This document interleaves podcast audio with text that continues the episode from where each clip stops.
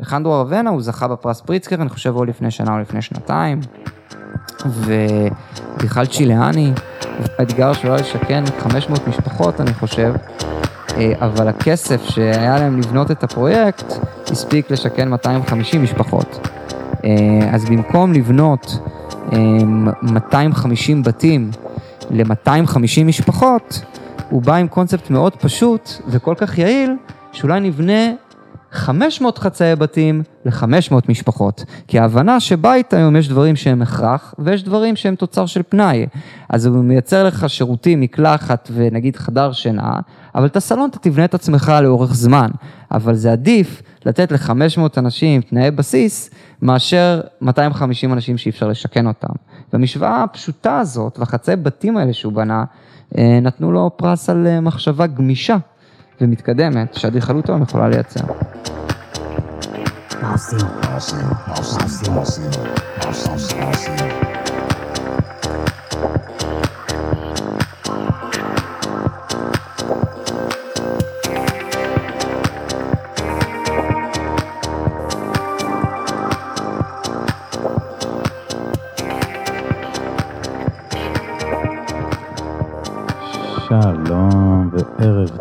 טוב לכל המאזינים ולדניאל זיס שנמצא איתי כאן עכשיו. היי, דני, מה העניינים? טוב אה, להתארח אצלך בבית, בבעלי המלאכה, בואכה גינת שנקין, פיצות עגבנייה. פירסינג של שי. הפירסינג של שי, אה, לא רחוק מאמיר קל הספר. תל אביב של פעם. תל אביב של פעם שעברה ג'נדריפיקציה פנטסטית. האמת שהאזור הזה הוא, הוא קשה מאוד לעכל אותו בכלל, זאת אומרת מצד אחד הוא נהיה נורא יפה. ממש, בניינים משופצים אבל נראים כמו פעם, משהו, אבל צבעים, מצד, אבל מצד כתומים, שני, סגולים. הקסם הזה של תל אביב המאוד אותנטית, ששנקין היה באמת בוהמה כיפית כזאת, לא מתקיים באיזושהי סיטואציה. נעלם קצת. וזה אולי באמת הכאב הגדול של ג'נטריפיקציה בעולם בכלליותו, זאת אומרת, זה מין איזה תהליך שהוא אינג ויאנג כזה, זאת אומרת, הוא גם מייפה את העיר אמנם ומסדר אותה, אבל מצד שני היא מאבדת מהתוכן שלה באיזשהו מקום. כן, זה נשמע כמו ה... כזו הבעיה בכל העולם בג'נדריפיקציה שהיא מצד אחד מאוד חיובית, אבל מצד שני אתה מאבד משהו מן המקורות, אני... משהו מן הבסיס הזה. נכון, זה גם uh, קצת מקרין גם עלינו, כאילו כשאלה שלנו כיצורים אנושיים, ואפילו לא יצאנו באמת להציג ואת כל הדברים האלה, אבל כבר אנחנו מתערדרים, כאילו לא, למעשה מתעלים לשיחה שהיא מאוד מעניינת. על איפה אנחנו מבחינת אה, זיהוי של הבית, של המקום שלנו, ושל איזה חוסר אותנטיות כזה שמתחיל להשתלט, שמנתק אותנו מאיזה מקום. כן, אמרנו שנעשה את הפודקאסט יחד ונקרא לו אדריכלות כמראה, זה היה הרעיון שלי. אה, ועכשיו זה הזמן הטוב להציג אותך, דניאל זיס, שאתה בעצם אה, אדריכל, אדריכל אורבני אפילו אפשר להגיד, שמתייחס במיוחד לעיר בתור מכלול. אמ, אתה חוץ מזה גם מנחה בבצלאל תלמידים אה, באדריכלות, והייתי שמח שתיקח מכאן את המושכות ותמשיך להציג את עצמך, מה פועלך בעיקר בימים האלה. אה, חוץ מהספר היפה שאני רואה פה של בנקסי אצלך בספרייה, אני רואה את סטיבן קובי, עשר הרגלים, אה, שבע הרגלים אפקטיביים במיוחד שאמרתי לך עליו, הספקת לעבור עליו? התחלתי לעבור עליו. וואו, קיצוני. ועוד uh, יש ספרייה נהדרת, ובכלל הבית מעוצב סוף כל הדרכים, כמו שהיינו אומרים פה בשנקין לפני, כמה זה היה? 16 שנה? משהו כזה. וואו, מסתובבים פה וקונים היינס כמו תל אביבים בשארית החמישים שקל האחרונים עם לך בכיס. לגמרי, אז, אה, אז חוץ, כן, כמובן כל מה שדני אמר, אה, אני גם אדריכל, אני גם אה, מתכנן אורבני בהשכלתי מניו יורק, ועכשיו אני פה בישראל, אני גם אה, עובד במשרד שמתמחה בעיקר במלונאות ומבני ציבור, mm. שאנחנו שמים על דגש אה, גם נושאים אורבניים, שואלים עליהם שאלות, ובבצלאל סטודנטים לאדריכלות. אני חושב שכל המקום בכלל ששיח אדריכלי ומה התפקיד של אדריכלות, אה, זה משהו שהוא מאוד מעניין ומרתק אותי באופן אישי. ובין השאר אני גם חבר ילדות שלך, וזה תמיד כיף גדול לשוחח על כל נושא שבעולם, ותמיד זה מוביל למקומות מאוד אה, מעניינים. בעיקר חבר ילדות, אחרת אפילו בטח לא היינו מגיעים לכאן לשוחח. מכירים מגיל 6, כבוד מכיתה א', אבל כיתה מקבילה, ככה ש... Mm. אולי נגביל גם היום, זה מעניין. אז אה, יפה, בחוץ מסתובבת מחאה, ואני אפילו יכול להיות אה, עוד היום נוסע לבלפור אחרי הפגישה שלנו, אה, לישון שם ואז להפגין מחר, אבל החלטנו במודע לא להתייחס באופן ישיר לפחות לכל נושא המחאה וההפגנה עכשיו, כדי להציב את הפודקאסט הזה בתור אסקפיזם נעים על אדריכלות, אבל כן ננסה לגעת בפנים של מהפכות ונושאים דומים מהפן האדריכלי שלהם. גילוי נאות, אני מאמין במאבק עכשיו, ואני חושב שהמצב השלטוני הוא, הוא חסר תקדים בעליבותו, ואני מאמין בשינוי, אבל uh, אני חושב שגם אתה מאמין בשינוי. אנחנו כולנו שואפים לעולם מלא באהבה ויצירה, uh, ולשים את האנשים אה, ואת ה-well-being שלהם לפני הכל, ואני מרגיש שזה קצת התפספס בשנים האחרונות. אין אפילו מצב לאנשים אה, לחלום שיכול להיות מצב טוב, יכול להיות שכל המצב המלחמה הזה תמיד בכל גבולות המדינה הוא לא הכרח המציאות, ויכול להיות שזה שאתה לא יכול אה, לקנות בית במדינה שלך, או בעיר שנולדת, במקרה שלנו תל אביב, אה, קצת מוזר, אבל אה, כן, אנחנו נשאיר את הדיון בשטחיות הזאת, ואלא אם כן יש לך עוד משהו להגיד לפני שנמשיך הלאה. לא, אני מאוד מסכים איתך, זאת אומרת, יש איזה שינוי שצריך לקרות, אז לא ברור אה, מה השינוי ואיך השינוי. כן, זה מסובך. אבל אה, בכלליות, אני חושב ש-2020, ואני חושב שמה שקורה, מצביע על איזה, על איזה צורך לשנות. אה, אז אה, בואו נראה. אנחנו דור שקצת כזה, כנראה בגלל שכבר גדלנו עם הטלוויזיה ואצלנו על הגבול, שנת 85, היה את השינוי לאינטרנט, אנחנו זוכרים את החיים בלי, מה שילדים היום לא מבינים בטח, מה זה לחיות בלי, להיות on כל, דת, כל הזמן, אתה כל הזמן סופג רשמים, אה, סרטונים, שירים, מכל מקום, מכל המדיות, פייסבוק, אינסטגרם, טיק טוק, אה, וואטסאפ. אה, טלוויזיה, זה ההורים רואים, אז זה, זה זולג לך מהסלון. כמויות של מידע פסיכיות שהן אפילו לא טיפה בעולם האמיתי של לך תצא לטייל ביער ומה יקרה שם. אני חושב שבאיזשהו מקום קצת איבדנו שליטה, ככה זה מרגיש. זאת אומרת, המין האנושי, ברגע שהיינו איטיים, אז כאילו נשלטנו באיזשהו מקום, וכרגע אנחנו, ברגע שנהפכנו, הכל נהפך כל כך מהיר, זה מרגיש שהקצב הוא, הוא מאוד, נקרא לזה, הוא מאוד מהיר ביחס לנפש שלנו. זאת אומרת, הקצב הוא מהיר מאוד, הנפש שלנו מאוד מתקשה לספוג את הכל, ואנחנו חיים באיזה כאוס נפשי, וואו. אם אני אקרא לזה ככה.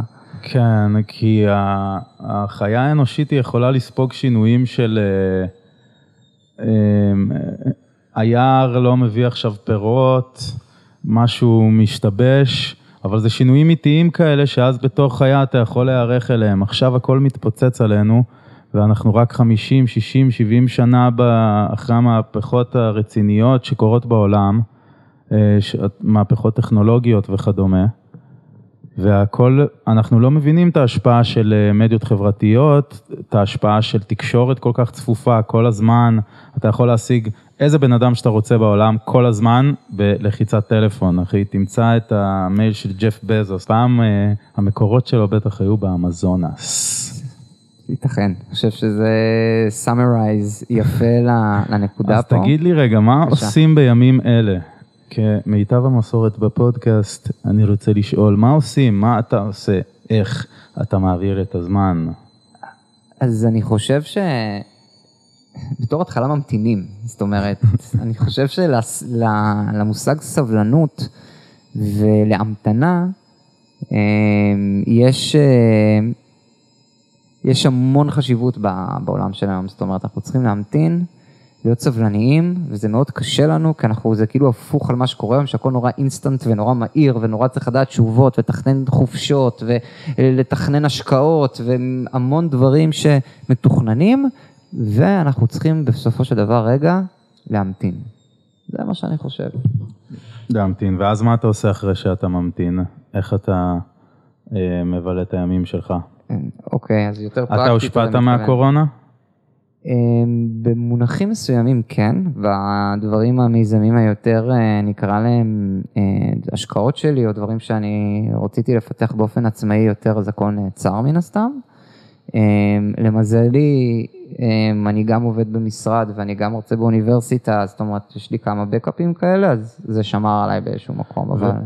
כן. ובוא תכניס אותנו לעניינים, סתם כדי שנבין, המשרד שלך, שהוא, שאתה עובד בו, שהוא של אה, רני זיס, אביך.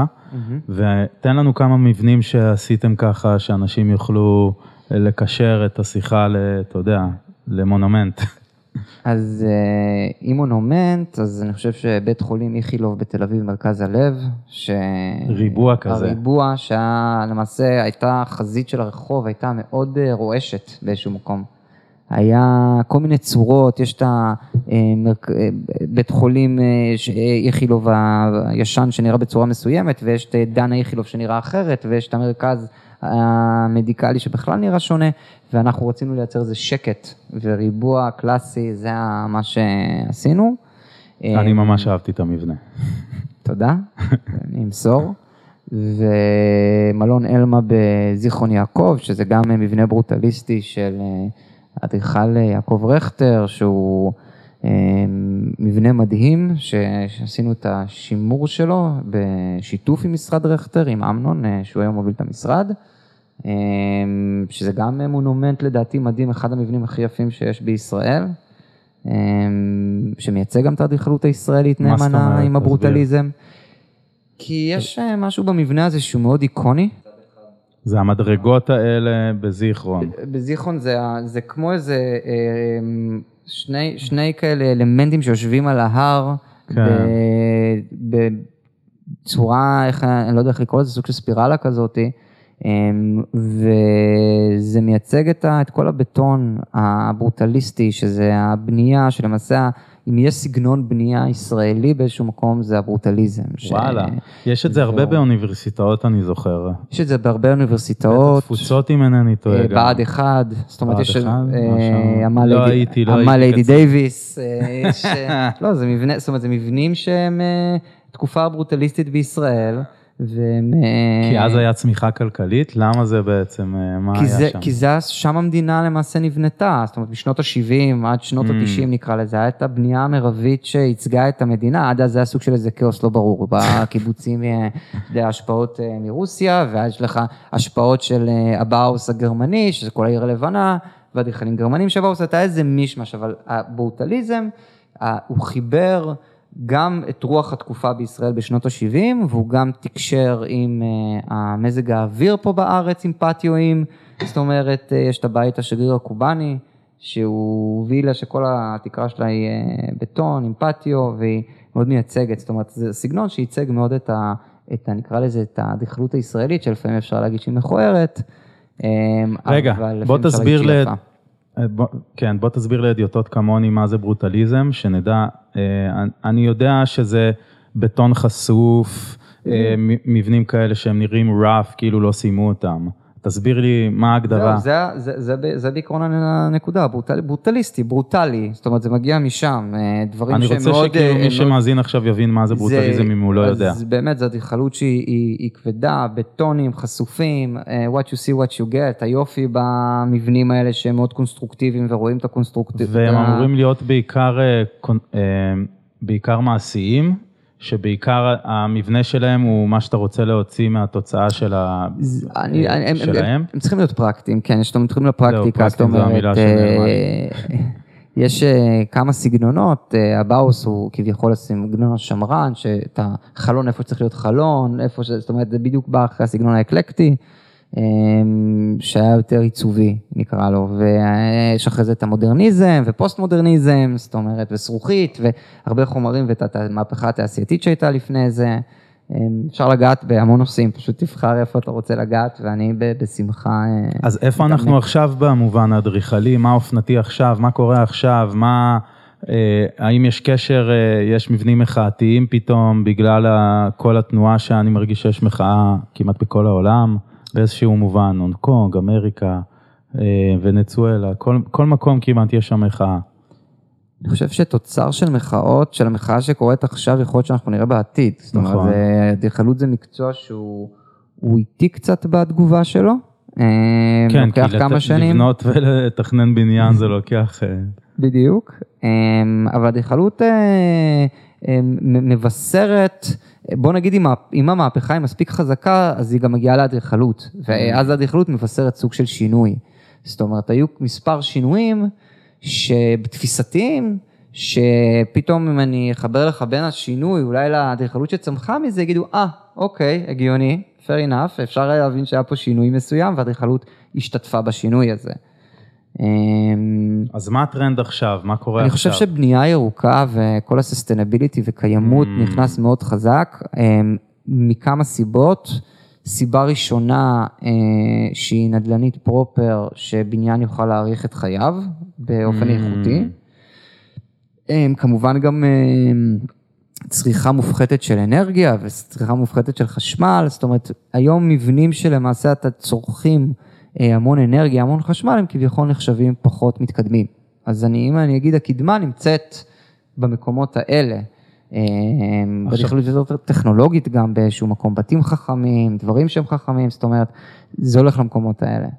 ותן לי כמה מבנים כאלה שנוכל עכשיו אה, לבדוק בגוגל, סתם לדוגמה, כדי לראות בנייה ירוקה, אבל אני מדבר על הקצה, מה הדברים אני... הכי חדישים עם... אה, אני זוכר שיש איזה בניין, אם אני לא טועה, הוא בהונג קונג או איפשהו במקום אה, אה, במזרח, בנו אה, בניין שיש סוג של גורד שחקים, שיש חור בפנים באמצע והרוח עוברת דרכו וככה עושים אותו יותר אנרגטי. עכשיו אני דביל לגמרי בנושאים האלה, אז כל מה שאני אומר בטח לא נכון, אבל אה, אתה מבין לאיזה בניין אני מתכוון? שעשו אותו.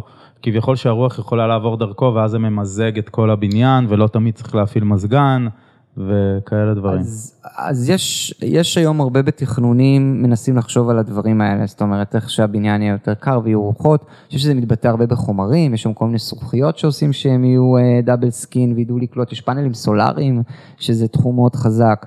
והיום יש תקן אה, של בנייה ירוקה כמעט לכל מבנה אה, אורבני שמתקיים. אמ, מה זה חושב... מבנה אורבני? גם, הכוונה גם לבניין עכשיו, שסתם בניין מגורים שבונים עכשיו באיזה שכונה נידחת, הוא צריך לעמוד באיזה סטנדרטים? אמ, הוא לא עומד, רובם לא עומדים, אבל אם אתה צריך לתכנן עכשיו ברחובות ראשיים בתל אביב, או אם אתה צריך לתכנן אה. במקומות כאלה, אמ, אתה חייב לחשוב על, על נושאים ירוקים, בטח מבני ציבור. אבל עוד פעם, זה... איזה זה... יופי שזה קורה, זה אומר שזה כבר ממש נכנס לתודעה של אנשים, אפילו שאנחנו עדיין רואים את כל השימוש הנרחב בדלק שהם מוצאו ממאובנים, fossil fuels, אז אה, עדיין יש שינוי שהוא מספיק גדול שהוא מחלחל עד לאדריכלות. נכון, זה, אבל זה תחום אחד, גם זאת אומרת, יש עוד טרנד באדריכלות של אה, מבנים גמישים. זאת אומרת, ההבנה... הופה, מעניין, ספר לי על זה, מה זה? זאת אומרת, ההבנה שהבית או המשרד או, או, או כל תחום או המסחר, אוקיי? בגלל שהעולם מתפתח כל כך מהר, ההבנה שבניין טוב יצטרך לדעת לקבל שינויים, כמו כמונו, כמו בני אדם. אמ, בניין מעניין יש במיאמי של אה, משרד שוויצרי הרצוג דה מרון, שהם תכננו מרכז מסחרי וחניון, זאת אומרת האבולוציה שכיום יש, בקומה נגיד שישית, יש לך חנויות, איזה שלוש חנויות וזה חניון מסביב, בקומה חמישית יש אה. כמה חנויות וחניון, זאת אומרת יום אחד זה יוכל להיות מרכז מסחרי או חנייה, זאת אומרת כרגע היום זה בעיקר אה. חנייה ויש פה מערך כוחות בין חנייה לבין מסחר. מה שיהיה יהיה, הכל אבולוציה חופשית, המקום הזה יכול להיות במודוליזציה שלו. עכשיו קניון, והוא יכול להיות במודליזציה שלו, אה, במודולים שלו, מגרש חנייה של שבע קומות, כרגע זה גם וגם, סיפור די מעניין, פשוט רואה שתי חנויות זרוקות באמצע חניון, ועוד שתי חנויות זרוקות באמצע חניון, ועוד, וזה מאוד, מאוד מעניין. איך זה, איך זה משפיע על החונים? האם פתאום אתה חונה ועובר בחנות כי אתה חונה שם, או שאתה מגיע במיוחד לחנות ולכן אתה חונה שם? גם וגם. גם אומרת, וגם. והמבנה עצמו הוא מרשים, כי אתה הולך בין, Mm. בין קניון לחניון, וזה... אז זהו, זה גם מה שאני אוהב באדריכלות, אני, וגם דיברתי על זה עם מרינה פוז, פוזנר שהיא אומנית, דיברנו על אומנות פתיינית, וזה גם מה שאני אוהב באדריכלות. אני אוהב אדריכלות פתיינית שיש מבנה שהוא הוא קורא לי, תסתכל עליי, תראה אותי, אני מוזר, אני מיוחד, אני, אני זין ענק שעומד למעלה, כמו מספיק מגדלים שיש, או אני איזה מין משהו מעוך בצורה מוזרה, אבל אני קורא לך להסתכל עליי ולחשוב על מה, מה אני גורם לך לחשוב, אני מדבר על הבניין. הבניין אומר לי, מה אתה חושב עליי? לעומת בניין סטנדרטי רגיל שאני עובר לידי ואני אפילו לא שם לב אליו. מעניין, אני גם חושב שאדריכלות יש בה, היא הרבה פעמים אה, מוסרת מסר שהוא גורם לך לחשוב. אמ, ונגיד בנושא הזה, אם דיברנו על, על, על גמישות של מבנים, גם יש היום ב, בכל מיני קונספטים של דיור בר השגה, שת, כמה, איך למש, אה, למשכן אה, יותר אנשים, ויש משרד מאוד מעניין שאני מאוד אוהב אותו, הוא זוכה פרס פריצקר, משרד שנקרא אלמנטל, של אדריכל צ'יליאני אלחנדרו ארוונה. שנייה, איזה, פ... תסביר מה זה הפרס הזה? פרס פריצקר זה פרס אדריכלות מאוד נחשב בעולם, שהוא למעשה הפרס אדריכלות הכי נחשב שמוענק הוא הכוכבי משלן של האדריכלות. האוסקר של האדריכלות. אוקיי, בסדר. פעם בשנה מוענק, ולרוב זה על איזה... מאיפה הוא מגיע? סתם שנדע. אני חושב שמאירופה, אני okay. לא רוצה לקחת אחריות בדיוק מאיפה הוא מוענק, ארצות הברית או אירופה כנראה.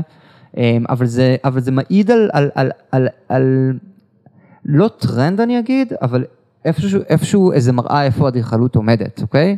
הפרס. כמו, הפרס, כן, זאת אומרת, אם זוכה אדריכל שמתעסק במגדלים וב... לא יודע מה, בצורניות, אז כנראה האדריכלות נמצאה בשנה או מגיעה, כרגע נמצאת איפשהו בנקודה הזאת. ואם אה, זה מוענק על דיור בר השגה, על זה, זאת אומרת, יש איזה כנראה איזה, איזה גל שהולך למקום הזה, זה מעיד על איזה, איפה זה נמצא.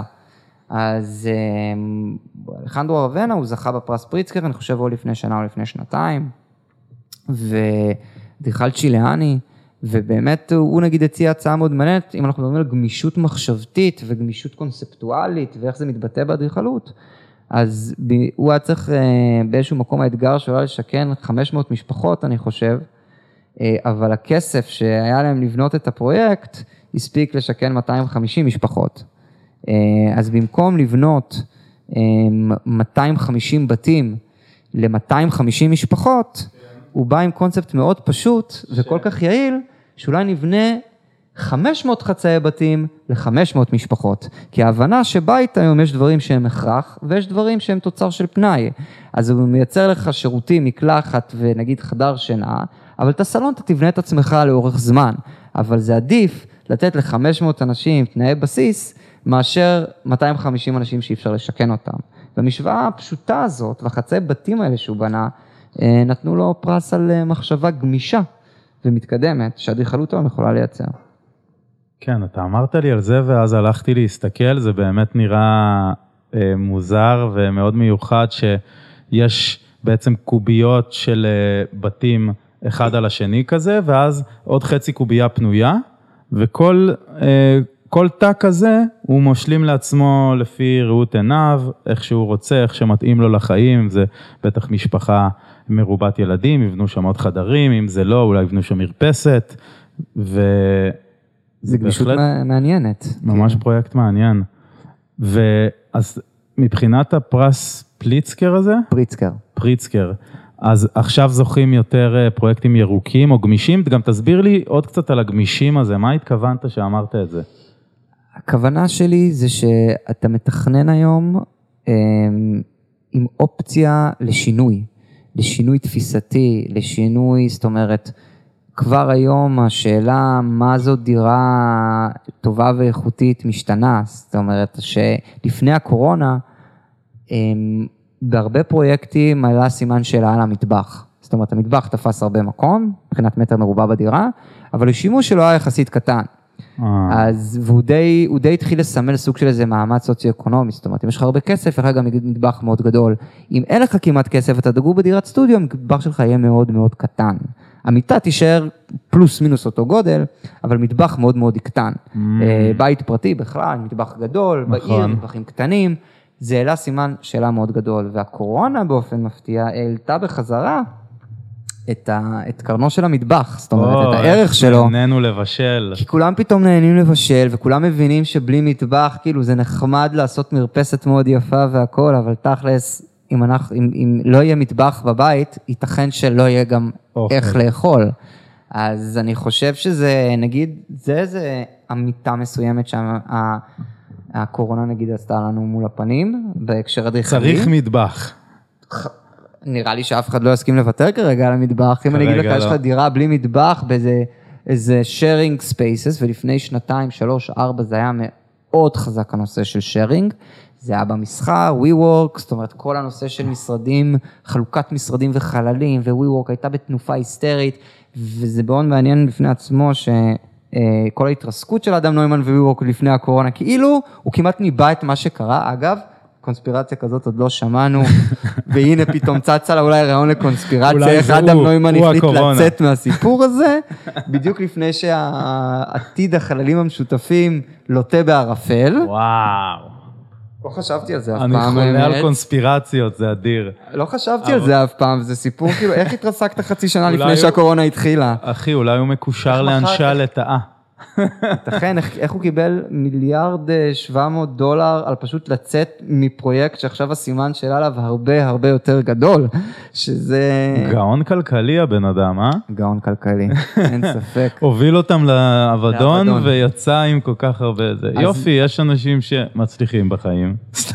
אז, אז זהו, אז, אז זאת אומרת, אדם נוימן, פרויקט נוסף שלו חוץ מ-WeWork, אה, זה היה We Live. זה, אני הייתי בפרויקט שלו בסיור אה, במנהטן, בקונספט שאומר, אה, אה, יש המון חללים משותפים, המטבח יוצא מהדירה, אה, אנחנו מייצרים קומיוניטי. אה, קצת כמו WeWork רק עם אה, מגורים, אתה יכול Mm. לבוא לחודשיים, שלושה חודשים, אנחנו נראית לך. אה, אני מצאתי את זה...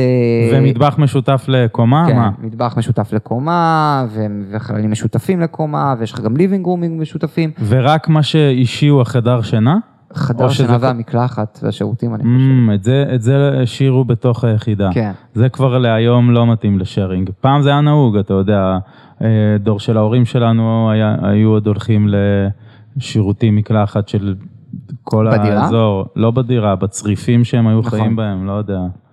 אז אני חושב שהאינטרפטציה המאוד, נקרא לזה, הווי-וורקית הזאת, שהיה כבר איזה סוג של איזה עננה, וכבר לפתח מגורים, ואיך המגורים ייראו והכל, וכמו בכל תחום אחר, קצת חזרנו back to basis, והבנה שרגע, רגע, לפני שאנחנו עושים sharing להכל, קודם כל בוא נדאג כנראה לכל אחד שהכל בסדר, כאילו שאפשר לבשל. אמ, אז זה משהו מעניין בתחום הזה לדעתי של קורונה וסדריכלות, אה, או שינויים שקרו במעמד הבית ו...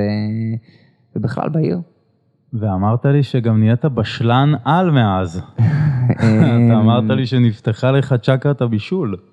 אני חושב שגם אני גיליתי את המטבח באיזושהי צורה, גם אני פיקפקתי בו וגם אני כבר אה, בניתי כל מיני אה, קונספטים שיכול להיות שלמטבח אין ממש חלק אה, משמעותי, בטח אחרי כמה שנים בניו יורק, ששם להיות במטבח זה די מוזר, אתה גם מבשל בתוך המיטה בערך מבחינת הגודל של הדירה, אה, אבל אין ספק שכן, נפתחה לי פה צ'קרה. איזה כיף. בישול זה תענוגות החיים, ועוד יותר, לאכול זה אפילו עוד יותר כיף מלבשל. נכון, ו... גם וגם זה בכלל, גם לבשל, גם לאכול. כן, בחברה טובה זה די הטופ, ובאיזשהו שלב אתה מגיע למצב שהחגיגה הכי טובה היא סעודה רצינית. נכון. יפה. רציתי שתעשה לנו סקירה קצרה, סוג של אה, מונומנטים היסטוריים באדריכלות, שכל אדם כמוני שאף פעם לא עסק בנושא, יכול אה, להתחיל להתקדם בנושא האדריכלות מהמונומנטים האלה, מהמבנים האלה, אם זה הפירמידות, אם זה מגדל פיזה, אין לי מושג, הקולוסיאום. אה, ב- ת- תחכים אותי קצת בנושא הזה, תן לי כמה basics. Let's start with the basics. אמ, אני חושב שא', קשה מאוד, מה שנקרא, לסכם, אה, אני לא יובל נוח הררי, למרות שאתה יודע משהו, זה יכול להיות סיפור מעניין לעשות קיצור תולדות האדריכלות אדריכלות, באיזה ספר, ספר מעניין. מעניין. אמ, אז אה, יובל אין נוח? הררי, אם אתה שומע אין ספר אותנו, כזה? בא לך להקשיב. אין ספר באדריכלות שאתה הולך ללמוד שאומרים לך the basics of אדריכלות. יש כמה, זאת אומרת, יש, בוא נגיד שבאדריכלות אולי זה פחות ספר. אה, ברור שיש את הבסיסיים, כמאן המתגבר, אני חושב שכל כל חובב אה, ז'אנר אה, פואטי יוכל להכיר ולהתחבר לזה. ספר מהמם. ספר באמת מהמם. יש יותר, נקרא לזה, פופולריים בתקופה האחרונה, יותר מודרניים של רם קולס, ספר מאוד מעניין שנקרא הזיית ניו יורק, יש עליו. קצת חילוקי דעות, אבל הוא אוקיי. ספר מדהים ש... רגע, אני באמת כותב נותן לי, איזה- את זה- את זה לא קראתי. איך איך אמרת? הזיית ניו יורק, נקרא הספר, של רם קולס, הוא אדריכל הולנדי, אולי אה, התיאורטיקן, פרקטיקן, אולי השילוב ביניהם הכי גדול שהיום קיים, אה, שחי. אה, יש סרט דוקו עליו שהבן שלו, שהוא אה, במאי דוקו, אה, אה, נחשב מאוד טוב, עשה עליו סרט. אה, ואז רם קולס בגדול הוא, הוא כותב מדהים, זאת אומרת הוא מצליח להעלות שאלות אדריכליות לרמה פשוט פילוסופית שנוגעת ופוגעת בדיוק בנקודות מאוד מעניינות. אה, והספר הזה באמת, נגיד הזיית ניו יורק, אז הוא נוגע באמת על השאלה של ניו יורק, נקרא לזה כשילוב של אה, יצירה והרס ששלובים זה בזה, ו- וכל הזמן, זאת אומרת, משהו נהרס ומשהו נבנה, ויש איזה ממורי, ויש, זאת אומרת, כמו התאומים לצורך העניין, שפתאום נפלו ואפשר לבנות על זה משהו חדש לחלוטין, וההרס הוביל ליצירה. מה עכשיו בנוי שם בתאומים? מתוכננים שם אה, מגדלים אה, שכבר כבר רצו בין כמה אדריכלים. יש שם גם אה, באזור את התחנת אה, רכבת החדשה, כבר חדשה, שעשה סנטיאגו קלקטרבה, שזה חתיכת אייקון ניו יורקי. מה זה?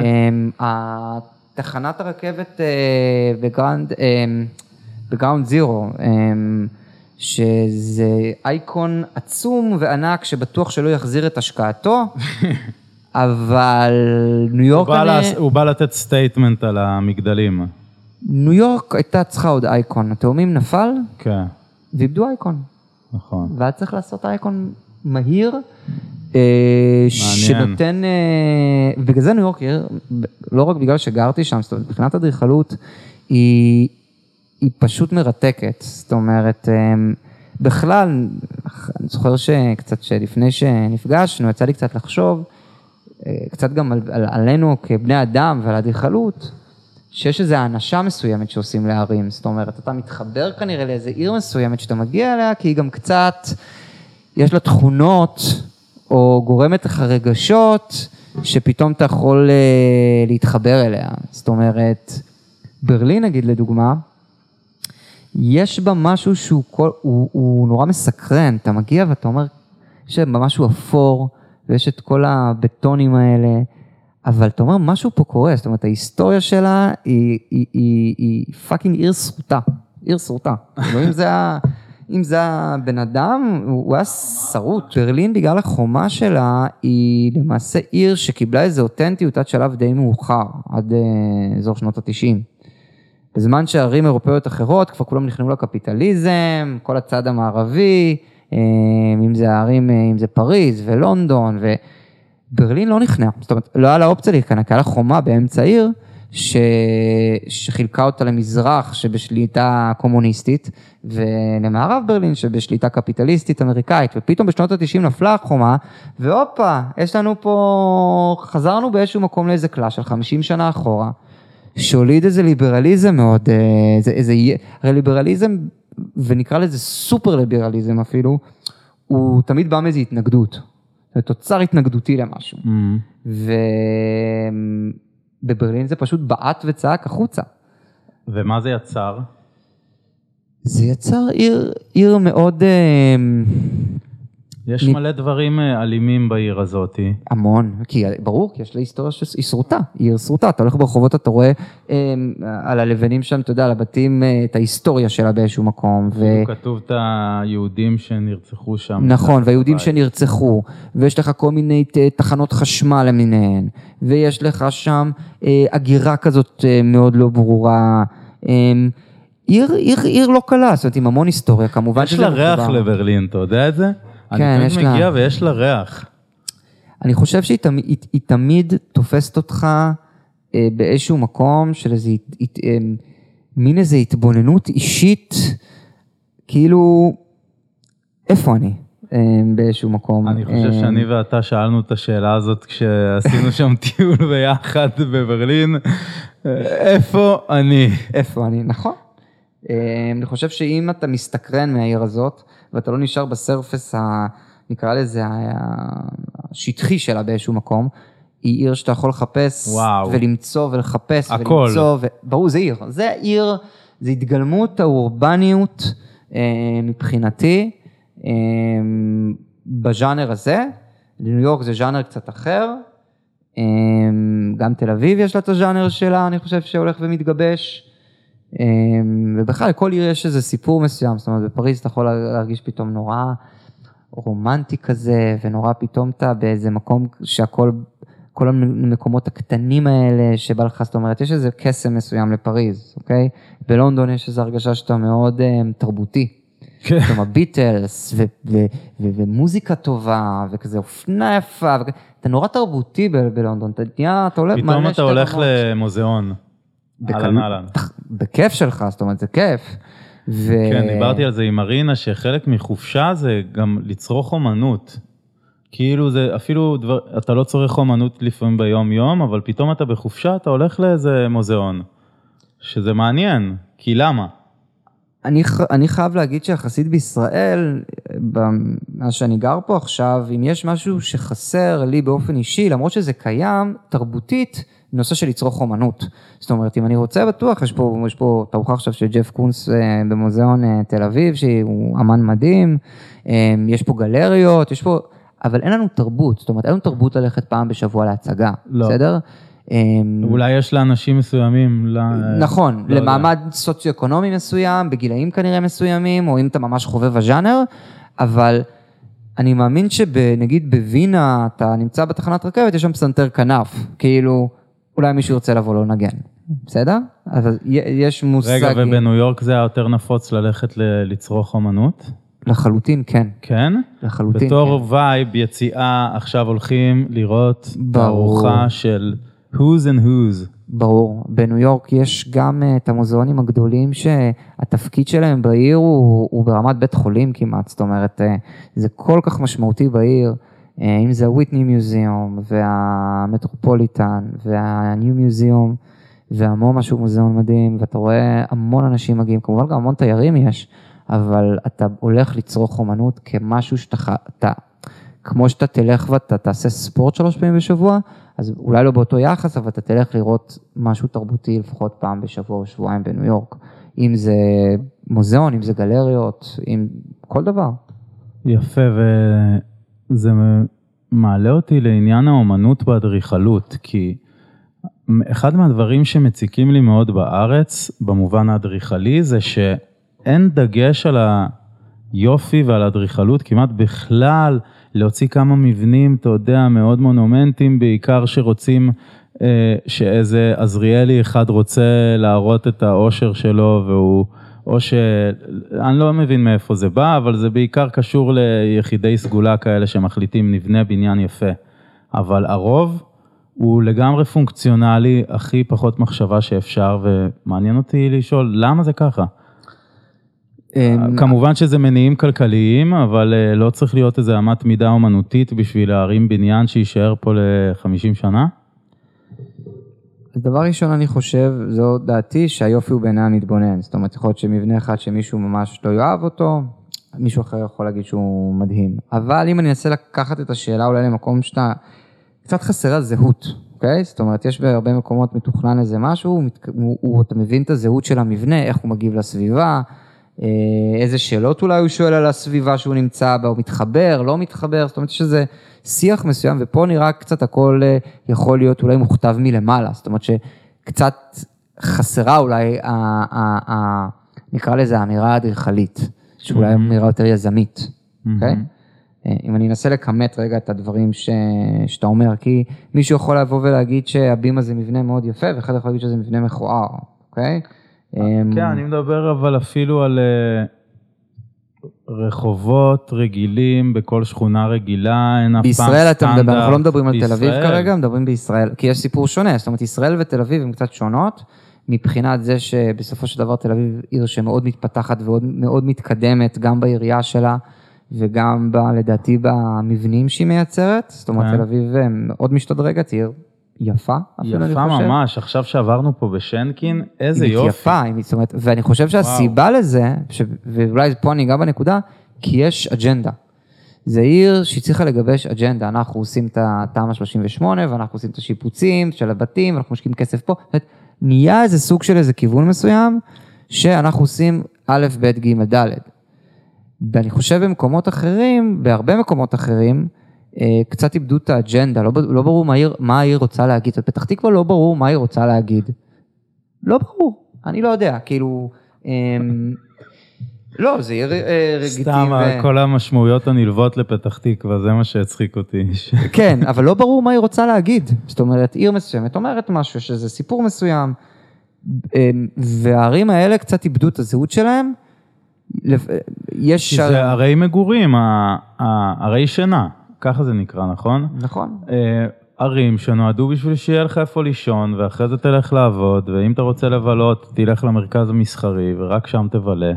אבל אני חושב שהלופ הזה, אה. הוא קצת כבר מתערער באיזשהו מקום. זאת אומרת, הפרבר עם הקניון, עם הזה שבשנות ה-90, תחילת שנות ה-2000, זה היה הצלחה היסטרית. אני זוכר בקניון איילון, שנפתח המקדונלדס הראשון, היה שם תור, כאילו זה מגדל אייפל.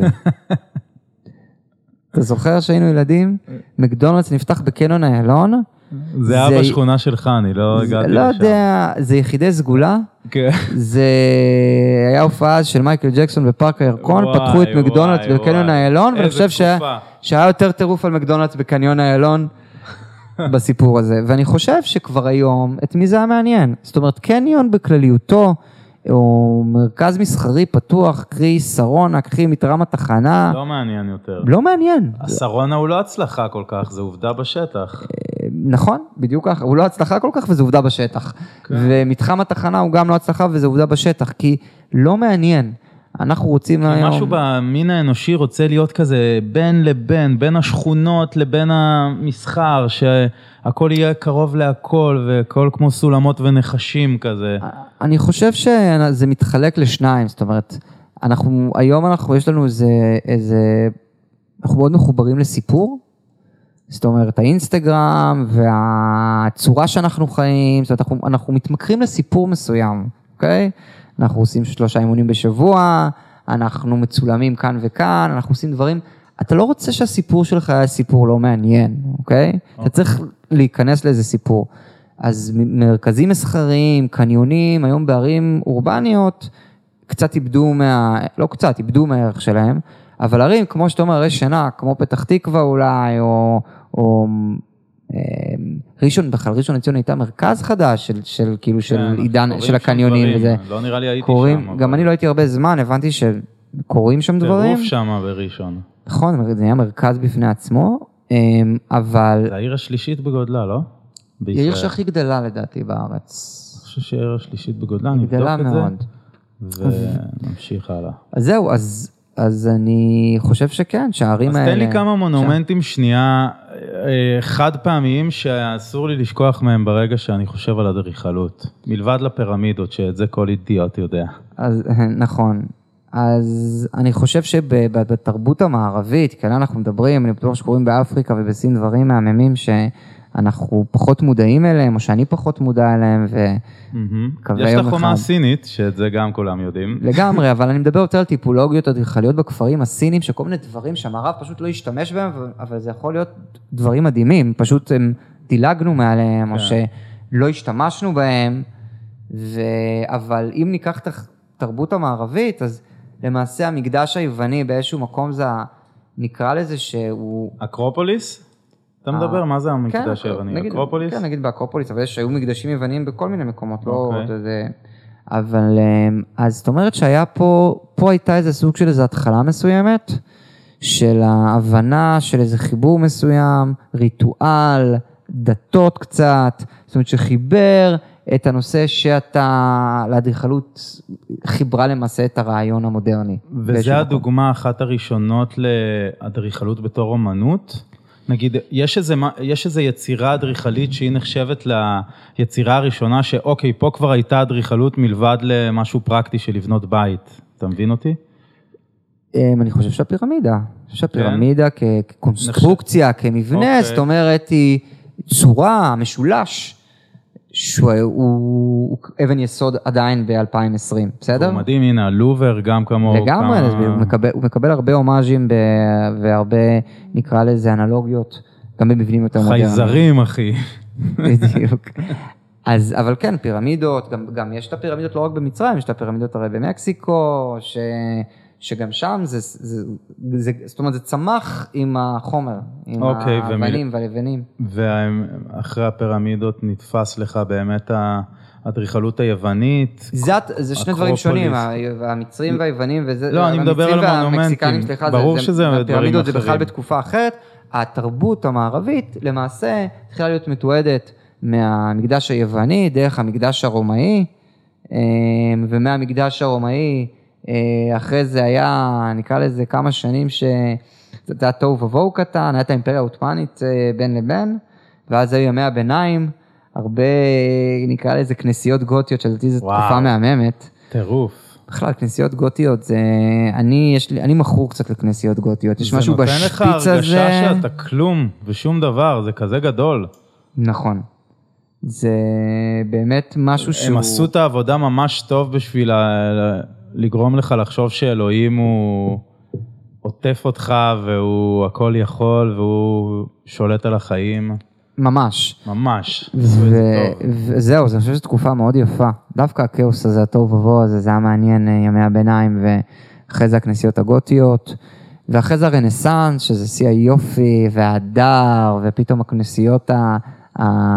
בתקופת הרנסאנס, בעיקר באיטליה, פירנצה, משפחת מדיצ'י, אה, שזה תקופה, אתה יודע, אה, ליאונרדו דה וינצ'י ומיקאלנג'לו, וכל ה...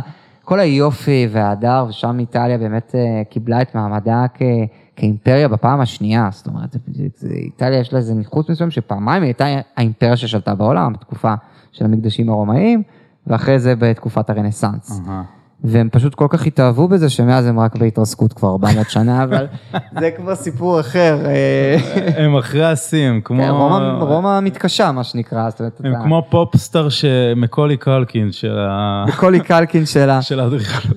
ואולי הוא עוד יחזור, זה לא... אולי אולי עוד. יחזור, אולי עוד יחזור והם יחזרו. אבל... אה, וכן, הרנסאנס, ואחרי זה אה, נפוליאון, ומה שקרה בצרפת.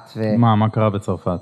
בצרפת גם היה את מגדל אייפל, שהוא היה שיא ה... נכון, מגדל אייפל זה באזור, לדעתי, אזור 1880, 1890, שזה היה שזה, מהנדס. אוקיי, יכולים לבנות בפלדה, קדימה.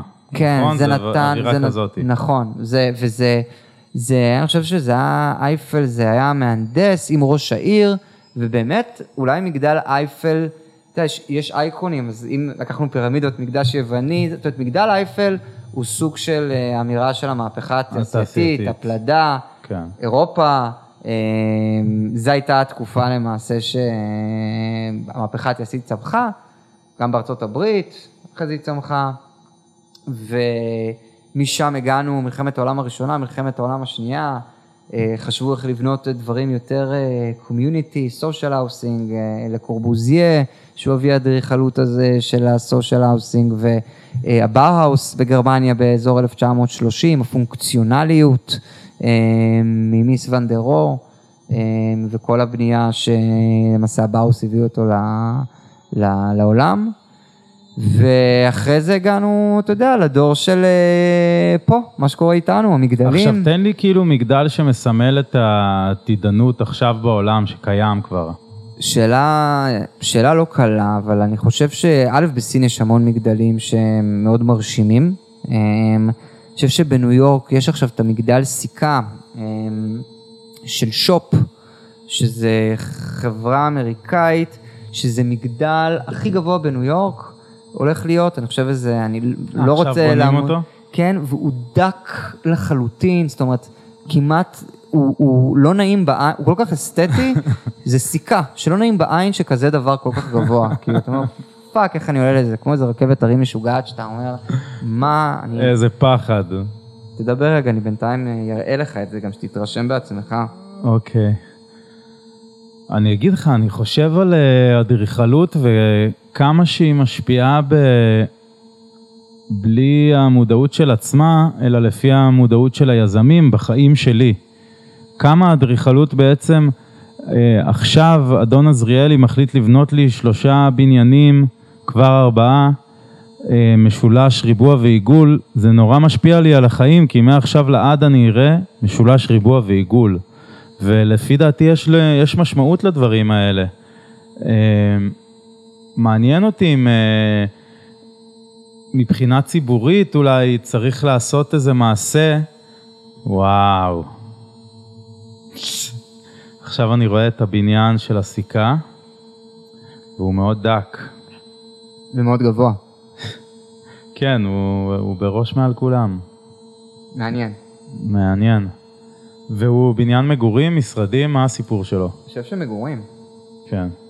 skinny scrapers, זה המושג. אם אתם אה, תוהים על איזה מושג אדריכלי ככה חדש וחדיש, skinny scrapers, זה כמעט כמו skinny jeans, רק במגדל. עכשיו אני רוצה לעשות לך שאלות של אה, את מי אתה רואה, יותר אוהב, את אבא או את אימא רק על אדריכלות, ותיתן לי dirty details, אה, לדוגמה, מה המבנה הכי מכוער לדעתך שיש בעולם? מבנה אחד או שתיים שכאילו הרסו הכל, הם פשוט כאילו, לא ברור למה בנו אותם. יש כזה? או לפי דעתך, מה המבנה הכי יפה בעולם? שזה גם מעניין. מה המבנה שהכי נותן לך השראה? מאוד קשה בדרך כלל, לי לפחות, לענות על מבנה של אחי ואחי. אני תמיד אוהב לתת את השאלות הקשות של אחי. תחליט. הכי. הכי מכוער, הכי יפה. אמ, הכי מכוער, אמ, וואי וואי, זו שאלה קשה, אני לא... לא התכוננתי לזה, אני חייב להגיד להכי מכוער והכי יפה, הותקלתי פה. אני יכול אוקיי. להגיד לך אבל כמה מבנים שהם מבחינתי, הם, אה, נקרא להם, הם משמעותיים. כן. אמ, אני חושב שאני, עוד פעם, אם ניקח קצת, אה, גם מבנים שלי יש סנטימנטים, פלט כן. איירון בניו יורק, זה המגדל הראשון שנוצר בניו יורק, והוא בצורה של שפיץ, והוא כל פעם נראה דו-ממדי מכל חזית שרואים אותו, והוא הוא בניין מדהים, יש לו חזית אחת שהיא צרה, וה- והמבנה נפתח לשניים, וואו. זה בניין מהמם. אמ, עוד מבנים שאני מאוד אה, מעריך, אמ, Seagram Building של אה, מיס ון דר רוה, אה, גם הוא מבחינתי אדריכל, נקרא לזה, הוא האב האדריכלות מבחינתי. בניינים נורא נקיים, יש איזה שקט, יש איזה, זה כמו, ש- זה כמו, זה קצת כמו סימפוניה, קצת כמו לחן של בטהובן כזה, שאתה אומר, טוב, זה מוצלח. כן. אם אתה מבין בזה או אתה לא מבין בזה, ת- זה מין נותן, טוב. זה נותן לך, זה אומנות ברמה הכי גבוהה שיש. אתה שאלת אותי מה זה אולי אדריכלות ברמה הכי גבוהה שיש, כן. שזה אדריכלות אולי ברמה הכי גבוהה שיש, שאתה כל כך, זה כל כך נוגע בך, שזה כמו אומנות. ככה, זאת אומרת, שהיא מגיעה לדרגה שאתה אתה לא מבין, אבל אתה מבין כאילו, משהו שקורה. משהו שקורה סביבך. זה מה שאני אוהב. הייתי רוצה שיהיו הרבה יותר דברים כאלה ב- גם בישראל. כן, אני חושב שגן יעקב נגיד, מאחורי הבימה יש לו איזה מומנט כזה שאתה נכון, כזה יפה פתאום, שם. יפה לך. כן. זה מין איזה, זה על זמני, זה, זה מדויק במקום שלו בעיר, במשמעות האורבניות שלו, וזה פשוט מקום מרגיע, זה פשוט מקום יפה. ובאור, בצל, זה, באמת, הוא, הוא, הוא, הוא כל כך פשוט, אבל, הוא, אבל יש שם איזה רגע עוצר נשימה, וזה לדוגמה נגיד. יש עוד שכונות. בתל אביב שהן עושות את זה ממש מבחינה אדריכלית. נווה צדק, השכונה כאן של שנקין הפכה להיות אה, נפלאות הבאוואוס והאקלקטיות. לגמרי. אוף, שנק, אה, אפילו אלנבי. אה, הבניינים שעליו, שהם עדיין לא משופצים, אבל הם יהיו עוד כמה שנים, הם יפהפיים ברמות. עכשיו, העיר באמת אה, עושה לנו את הג'נדריפיקציה בין העיניים, ויותר ויותר אנשים לא יוכלו לחיות כאן לאט לאט, וזה מעלה את השאלה היפה, כמו שזה קורה בכל העולם, מה קורה לעיר ברגע שהיא כבר יותר מדי יקרה בשביל האנשים לחיות בה. ונראה לי שזה מוביל ליצירת מרכזים חדשים, אה, מוביל את האנשים טיפה יותר, במקרה שלנו, דרומה, לא יודע איך זה, איזה כיווניות במקומות אחרים.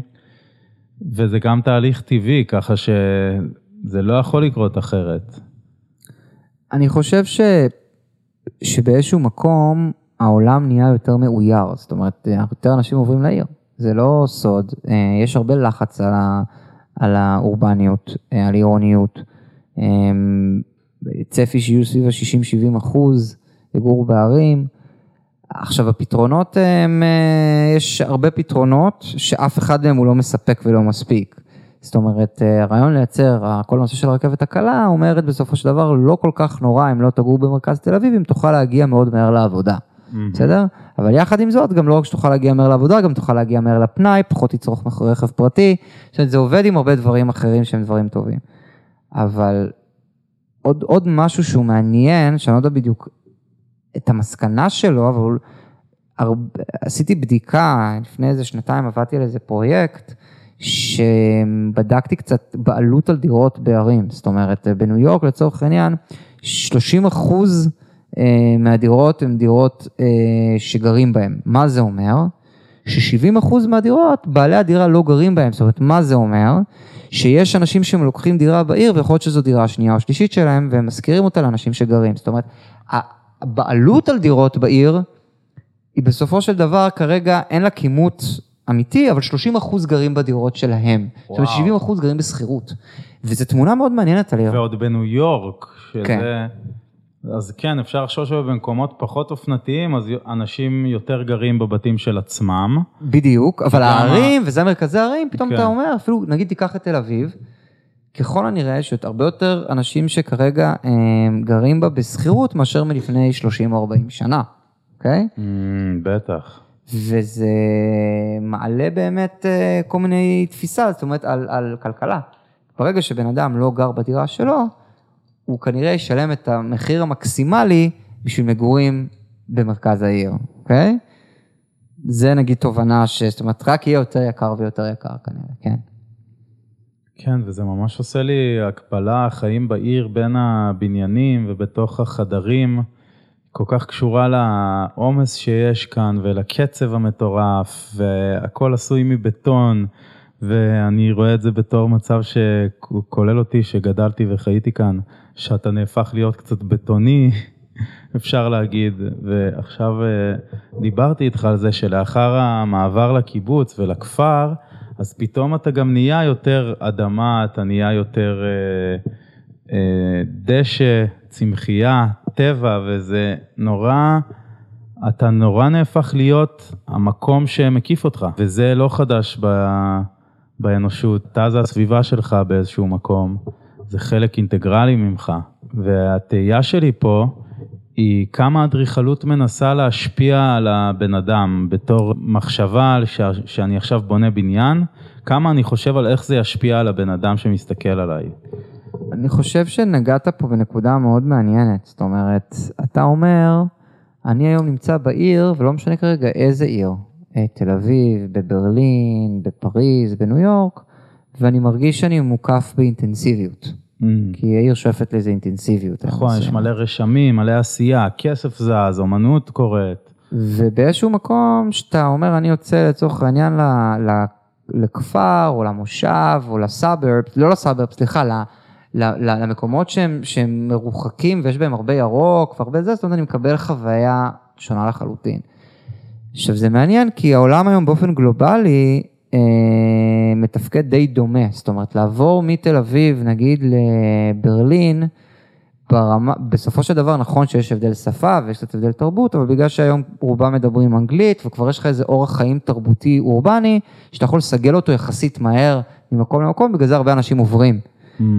אבל, אבל היום, זאת אומרת, אתה עובר נגיד ל, ל, למקום מרוחק עם, עם מדשאות ודברים כאלה, אתה למעשה עשית שינוי מאוד גדול באורח חיים שלך ובתפיסת החיים שלך.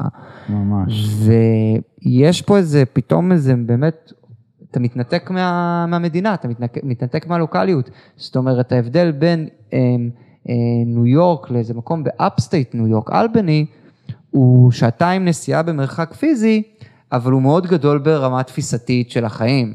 לעומת זאת, ניו יורק ללונדון, המרחק הפיזי הוא אוקיינוס שחוצה באמצע, אבל הרמ... האורח חיים שלך התרבותי הוא די דומה, אורח חיים, ה... ה... איך שאתה חי את החיים שלך, או הסביבה שאתה מקיף אותה, זאת אומרת, בצורת חיים. שזה משהו שכן, זה, זה, זה עכשיו, אה, אנחנו חווים את זה, אני אגיד את זה ככה. כן. אין, אין קשר למרחק פיזי כמעט היום. וואו. תן לי את הראייה לעתיד, איך נראה הבניין בעתיד עוד 50 שנה, שהוא גם כבר חכם, והוא גם כבר אולי אה, יותר ירוק. יש, יש אה, מין אה, הסתכלויות כאלה כבר? כיצד זה נראה? יש כבר, כבר עכשיו יש בתים חכמים שאתה מדבר איתם עם הטלפון, נכון? לגמרי. השאלה לאן זה הולך, יש כבר, ראיתי איזה סרט 2050 או 2080, ש... מישהו מראה שם את איך החיים ייראו כאילו בבית בעתיד, זה מעניין. אני מאוד אשמח לראות את זה. אני אשלח לך. אני חושב שזה, זו שאלה מאוד קשה, כאילו, כי יש כל כך הרבה נושאים שפתאום מתחילים לרוץ לי בראש, זאת אומרת, אני חושב שהשאלות צריכות להתמקד במובנים של יותר אה, להבין את היחס בין פנאי, תעסוקה ובית, אוקיי? אה, בסופו של דבר, ככל הנראה, התעסוקה שלנו תשתנה ברמה שאנחנו, יש איזו שאיפה להתעסק כמה שפחות בדברים שאתה כאילו תלוי בהם כלכלית, שמייצר לך זמן לפנאי. ואני חושב שהדברים האלה, היחסים בין המדדים האלה הולכים מאוד להשתנות בגלל הטכנולוגיה, כנראה שתשתלט על המון תחומים. שיהיה יותר פנאי, אתה מתכוון? שיהיה הרבה יותר פנאי, ויכול להיות שאת התת פנאי ייצר גם תחום חדש בבניין.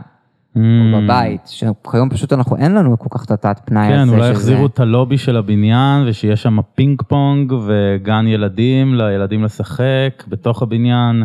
מאוד יכול להיות, יכול להיות שיהיה יהיה, יהיה הרבה זמן פנוי ואתה תקבל כסף על, לא, או, או נקודות, או לא יודע מה, על זה שאתה היית שכן טוב. Mm. אוקיי? Mm. Okay? תקשיב, חייבים איכשהו, אני אומר לך בתור אה, אה, אדריכל העתיד אה, שהולך להשפיע על העולם, קהילתיות. חייבים להכניס לבניין את הקהילתיות, זה לא יכול להיות כבר יותר לדעתי ב-2020, שאתה גר וקיר ממך, אתה לא מכיר את הבן אדם, אתה לא יודע מה קורה עם החיים שלו, הוא יכול למות שם ואתה לא תדע. ואני חושב, אני גם רואה את זה ברשתות החברתיות, אנשים צמאים לקהילתיות, לחברות, למישהו שיהיה לא אכפת מהם. הכרתי גם המון אנשים בחיי הלילה שהחברים היחידים שלהם שהם הכירו בעיר, זה היה מחיי הלילה. עכשיו, זה היה לי נורא מוזר לשמוע, כי לי יש אתכם בתור חברי ילדות ועוד הרבה אנשים, כי גדלתי בעיר הזאתי, אז יש לי הרבה מכרים, אבל יש אנשים שהם גרים בעיר שנים שלמות ואין להם קהילה, אין להם משהו שעוטף אותם ושמחזיק אותם אה, קרובים לאדמה מבחינה רגשית והרגשת חמימות שהיא כל כך חשובה בעידן שלנו. אני נוטה להסכים איתך, אני חושב שהעיר מייצרת ניכור באיזשהו מקום, אמ, והניכור מתחיל יכול להיות בינינו לבין עצמנו. זאת אומרת, אין סיבה הרי שאני והשכן שלי נהיה בניכור אחד כלפי השני, נכון. בלי סיבה. אבל אני חושב שאנחנו מנוכרים כלפי עצמנו. זאת אומרת, כשאני קם בבוקר וככל אני הולך לבית קפה לצרוך את הקפה, אני ממוקד לצרוך את הקפה, כי אחרי זה ללכת לעבודה, ואחרי זה לעבודה אני הולך ליוגה, אני כל הזמן באיזה לו"ז של מטרות. זה לא שבאמת אני יכול עכשיו רגע לדפוק אצל השכן בדלת ובוא ננהל איזה שיחה של שעה על החיים, מה אתה אומר? זאת אומרת, זה בכלל לא באג'נדה. אה, עכשיו, אני לא יודע אם זה צריך להיות באג'נדה, אבל זה בכלל לא באג'נדה.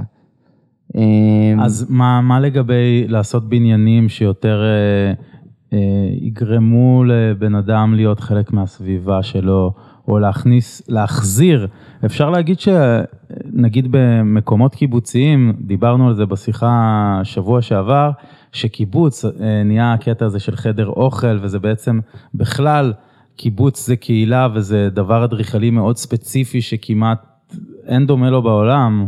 וגם אתה אמרת לי וכבר את זה. גם אין דומה לו בישראל עוד מעט. אין לנו בכלל, אבל... אז אני חשבתי על אה, קיבוץ בתוך בניין בתל אביב, בכוונה, בקונספט. תקשיב, המגורי עובדים, אוקיי, והשיכונים, נגיד לצורך העניין, ביד אליהו, או בנווה שרת, אה, או בהדר, או בהדר יוסף בתל אביב, הרעיון היה באיזשהו מקום, ברמת אביב, זאת אומרת שבאו אה, אנשים אה, לרוב מאירופה, באזורים האלה, אבל שעובדים במקומות, והרעיון היה עם החצרות הגדולות, זה, זה חצר קהילתית. עכשיו יש לך נכון. בניין עם מגורים, ואז יש לך חצר קהילתית, זאת התפיסה זה מדהים, גם ביד אליהו, גם ברמת אביב, זה שכונות שעד היום הן שכונות מהממות, גם שם וגם שם, זה דרום וצפון, זה מדליק, וזה באמת כיף יותר לגור שם, לדעתי, שוב, מאשר בפלורנטין, שאין שם, אין שם, אין שם פיסת דשא אחת. אמ, אין, אני גם חיפשתי. מסכים חוץ איתך. מנווה צדק, אה, חוץ מסוזן דלל. אני חושב שבטח כשמדברים על איכות של משפחה, אין מה להשוות. אה, בין לגדל ילד קטן בפלורנטין או בין לגדל ילד קטן אה, בשכונה כמו רמת אביב. אני חושב שהמרחבים הפתוחים האלה הם מדהימים, או בהדר יוסף לצורך העניין. אמ, אבל לצערי, כמו בכל דבר בחיים, הם, לא יודע אם תסכים איתי, אבל שינויים ומהפכות נוצרות כשהמצב מגיע לקיצון. כל עוד המצב לא מגיע לקיצון, אין, אין, אין, סיבה לשינוי. עכשיו, חלק ממה שדיברנו על קיבוצים ודיברנו על הדברים האלה, קרו כי נולדה מדינה חדשה והיה צורך לחבר, כאילו לא, לא, לא היה אופציה אחרת מאשר לייצר קהילתיות. לא תייצר קהילתיות, מה תעשה פה? מה, איך, איך תייצר משהו? אז הגענו, היינו בהתחלה, הגענו לנקודת קיצון, נכון. מלחמת עולם שנייה, הקמה של מדינה, רצון, אה, הגענו לקיצון. אותו דבר גם כאן, זאת אומרת, דווקא בקורונה, בגלל שאנשים הגיעו למצב שפתאום לא צריכים ללכת לעבודה, אה, מה זה לא צריכים? לא יכולים ללכת לעבודה, או לא צריכים ללכת לעבודה, או אין להם זמן יותר מדי לפנאי, כאילו עכשיו של צריכה, אז פתאום, פתאום נוצרה איזה חמימות, ואתה מקבל מתחת הדלת איזה פתק שיש מפגש בדירה הזאת, שהזאת של, ה- של השכנים. זאת אומרת, הגענו, התחלנו להגיע למצבים שמגרדים אותנו לייצר באמת קהילתיות ברמה של הבניין. אתה חושב סגר. סגר זה דבר מעניין. זאת אומרת, סגר, ממש. שאם עכשיו אני מטיל עשר שנים, לצורך העניין, אנחנו מטילים עשר שנים סגר על רדיוס של 100 מטר, אני בטוח שיצאו הרבה, הרבה זוגות נישואים ברמה של הבניין. בדוק. זאת אומרת, תחשוב על זה, זאת אומרת, הצימוק הזה, או, או, או ה- לצורך העניין הקושי, זה הדרך שלנו לייצר קהילתיות, כי אין ספק שהדרך שאנחנו הולכים בה, גם עם הפלאפונים, גם עם כל דבר, אני חושב שזה קצת אנחנו התנתקנו ברמה הקהילתית, ועוד פעם, טובה או לרעה אין לדעת, כי אנחנו בסופו של דבר אה, גרגיר של חול בתוך כל האבולוציה המשוגעת הזאת, אז זה התהליך שקורה. אז אתה רואה בעתיד אה, באמת, כשאנחנו נחפש אחר קהילתיות גם בעיר, גם דיברנו על זה בשיחה הקודמת שלנו לפי דעתי, אה, אם בניין יהפוך להיות יחידה שהיא כמו שכונה, כי הרי אנחנו מדברים על תהליך של איור ורוב האנושות הולכת לגור בערים, אז האם בניין יהפוך להיות יחידה אחת שגם יהיה בו קהילה? אני מדמיין בניין שלם שגם בגג יש אה, יער אה, מאכל וגם למטה יש אה, גינת ירק ובין כל הקומות כזה יש כל כמה קומות גן ילדים ויש אה, בית ספר יסודי קצת יותר למעלה ויש קניון בתוך הבניין כי אנשים צריכים לאכול וסופר. אתה מבין, אני מדבר על יחידות כאלה, קצת כמו בסרטים אפוקליפטיים לפעמים רואים דברים כאלה. אני, עוד פעם, אני חושב שאתה אומר הרבה דברים שהם הגיוניים, שיקרו, אף אחד, אתה יודע, אתה נבואה, רואה נבואה אה, זה נשמע הגיוני מבחינה אדריכלית? אה, זה נשמע... כי גם הגיוני. דיברת על הגמישות הזאת, וזה גם קצת אה, אה, מביא את הסוגיה הזאת. אני חושב שמשהו שנגענו בו קודם, זה שהעיר הולכת להיות מקוטלגת לתת בניינים, תת שכונות, כמו שאתה אומר, אותו דברים כאלה, מההיגיון שאומר שהעיר מתחלקת על פי מדדים כלכליים. זאת אומרת, כל מדד כלכלי מסוים ירצה להיות משויך, כאילו באופן, אה, נקרא לזה, אה, מה, מה שלדעתי הולך לקרות, שכל שכונה, כל בניין, תהיה בסוג של איזה מעמד, מעמד מסוים. אמ, אבל זה כבר קורה עכשיו, זהו, לא זה לצורך כבר- העניין בין מגדלי U, זה גם כמו שיש למגדלי U את הקניון שלהם, זה קצת אה, גם זהו, כן, אז אז נכון. זה, זה איזושהי אבולוציה של העניין הזה. זה איזשהו של אבולוציה של העניין הזה, וגם הצרכים והפונקציות בתוך הבניין יהיו משויכים לצורך מסוים של האוכלוסייה שתגור במקום הזה. אה, אז ברור שאנחנו מתרחקים כל הזמן, נקרא לזה, מהאמת. כי סופר אה, אורגני, מגודל זה בתוך שכונה במרכז תל אביב, לעולם לא יכול להיות כמו הדבר האמיתי שמגודל ב... לא יודע מה, בפרדס, אה, שיש לו באמת אה, השקיה טבעית, שאתה יודע, זאת אומרת, דברים שהם הרבה יותר נעימים לצורה של המחיה. כן, אבל אפשר להביא את זה קרוב מספיק בשביל שזה יהיה מספק. זה אני חושב. בטוח, זה בטוח וזה יקרה, זאת אומרת זה בטוח שזה יקרה, אני חושב שזה יהיה מחולק לתת אוכלוסיות העיר, אני חושב שיש דאטה שמאוד יצמח, זאת אומרת אתה תבחר כמעט איפה אתה גר לפי השכנים שלך, לפי האחוז ה... לא יודע מה, ה- ה- יהיה לך אמנים או אחוז הקומפיוטר סיינס שגרים באזור בשכונה בבניין שלך, על פי זה תוכל לבחור היום דירה או איפה להתגורר. זאת אומרת אנחנו שואפים להיות עם אנשים שדומים לנו באיזשהו מקום. Mm, בטוח. כן, אה, כי זה שוב, רוצים להרגיש חלק ממשהו, אחי. אנשים בימינו רוצים להיות חלק ממשהו, ואם זה ב... עכשיו אנשים הולכים למחאה בגלל זה, זה, אני מבטיח לך שחלק גדול מזה זה פשוט להרגיש חלק ממשהו. נכון. אנחנו חלק ממשהו, חלק ממשהו שקורה, אה, אנחנו צריכים לזוז, צריכים לראות שינוי. אה, או מהצד השני, אנחנו רוצים שהכל יישאר אותו דבר, אבל אנחנו חלק מזה, אל תיגעו לנו בביבי, הוא המלך. אה, בכל סוגיה בחיים, תראה אוהדי כדורגל, כולם רק רוצים להרגיש חלק ממשהו.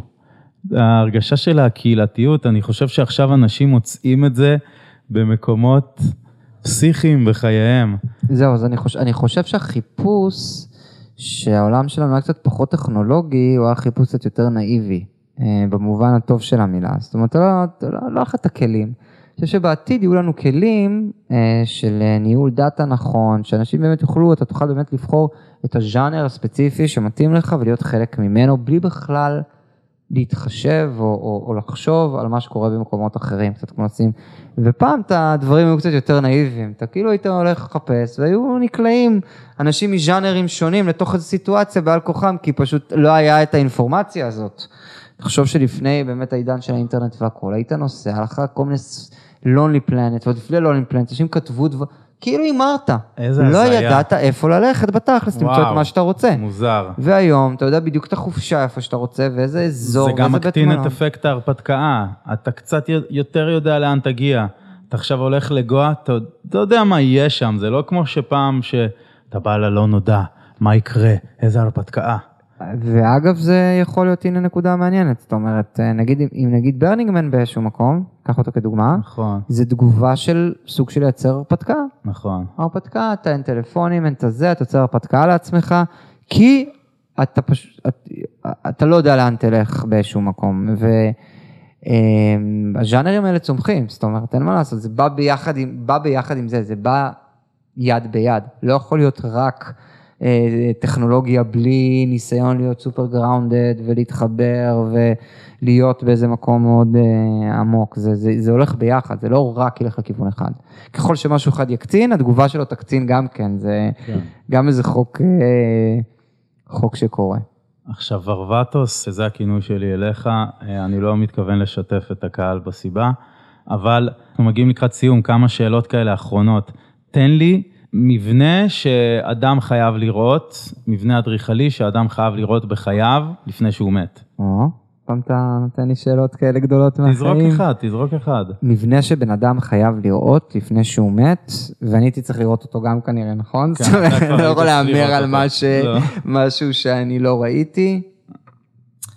אמ, נראה לי הכותל המערבי, אני אחזור. שנייה לאיזה מקום רגע נורא רוחני, אני חושב שיש לו, יש שם משהו, יש שם משהו fuck, חזק. קיר כל כך עתיק זה וענק. זה פשוט, קיר. קיר.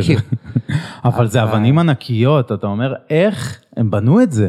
זה לפני אלפיים שנה, הם מטורפים, איך, איך הזזתם את האבנים האלה? the fuck, זה. חייזרים, שוב. עכשיו ארצות הברית הרי פרסמו שהגיעו חייזרים לארץ, אתה ראית את זה? פחות. אז ארצות הברית הודיעו, אה, היו חייזרים בארץ, אה, היו מפגשים ואף אחד, אני לא נכנסתי לידיעה עצמה, אבל הם הודו בזה שהגיעו עב"מים. לעולם, והם לא יודעים מה זה. זה בגדול מה שקורה, אז בהצלחה לאנושות עם החייזרים. בהצלחה בדיוק. ומקום אדריכלי ששווה אה, לראות אותו בימינו, כאילו איזה מין עיר או מדינה ששווה להגיע במובן האדריכלי להסתכל, ניו יורק. ניו יורק אה, בוודאי. ואם אה, חושב- אתה כמוני לא לשאול- טס עד ארצות הברית, אני חושב שיש הרבה מקומות שהם יכולים להיות מאוד, מאוד מעניינים, אני חושב שטוקיו היא מאוד מעניינת צריכה טוקיו, להיות. או, אמ, אני חושב שאם נלך למקומות קצת יותר קטנים, אמ, שיש להם, אני חושב שוואל פראיסו בצ'ילה זה מקום מאוד מעניין שהייתי בו, זה מין, אמ, זה גרמנים שברחו אחרי מלחמת העולם השנייה לדרום אמריקה ובנו בצ'ילה איזה משהו דרום אמריקאי עם עקרונות גרמנים שבאו עושים, מאוד, מקום מאוד מעניין, זאת אומרת האבולוציה שלו. אמ, ברצלונה, יש לא מעט ערים שאני חושב שהם אה, מעניינות. מעניין.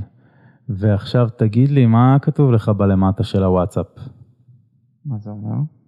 כזה יש באינפו של הוואטסאפ, אתה זוכר? לכל, כאילו, כזה שם שמציג אותך?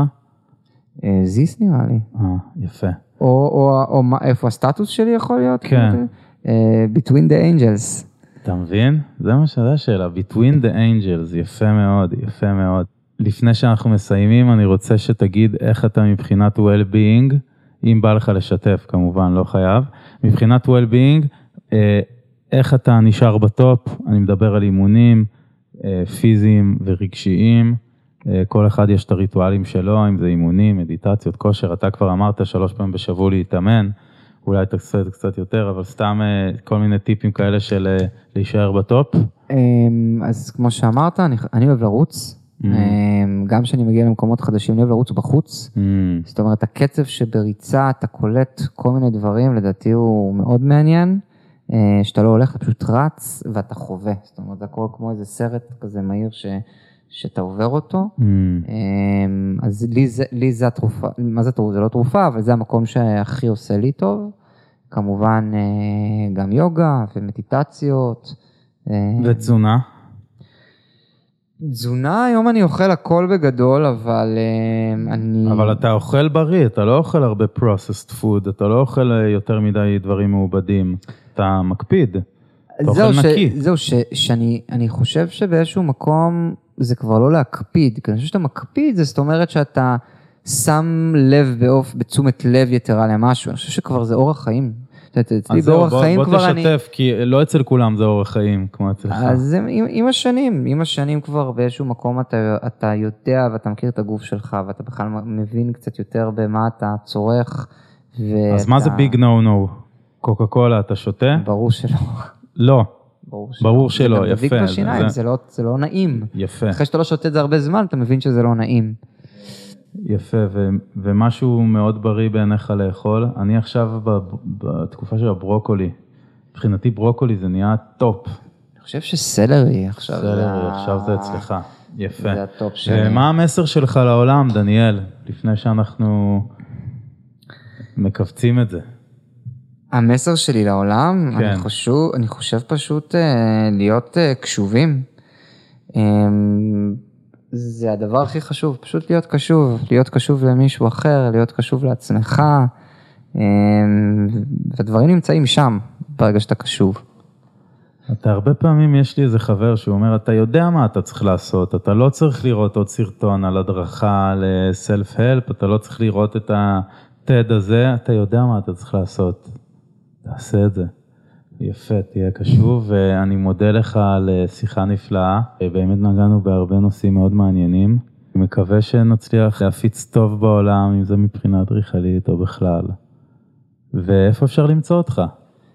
אם אה, אולי מישהו רוצה להזמין בניין מהמאזינים. בוולט. אה, זה המקום, אפשר למצוא אותך בוולט. אה, אני חושב שאימייל או במשרד שלנו? באינסטגרם, רני זיס ארכיטקט, נשים RZA. בתגובות. אה, אז כמובן, ומוזמנים בכלל קצת לבוא לראות אדריכלות, בשמחה. Mm, תודה רבה, אנחנו נמשיך לארוחת ערב מפנקת. ושיהיה לילה טוב, ערב טוב, צהריים טובים, בוקר טוב לכולם. It's a wrap.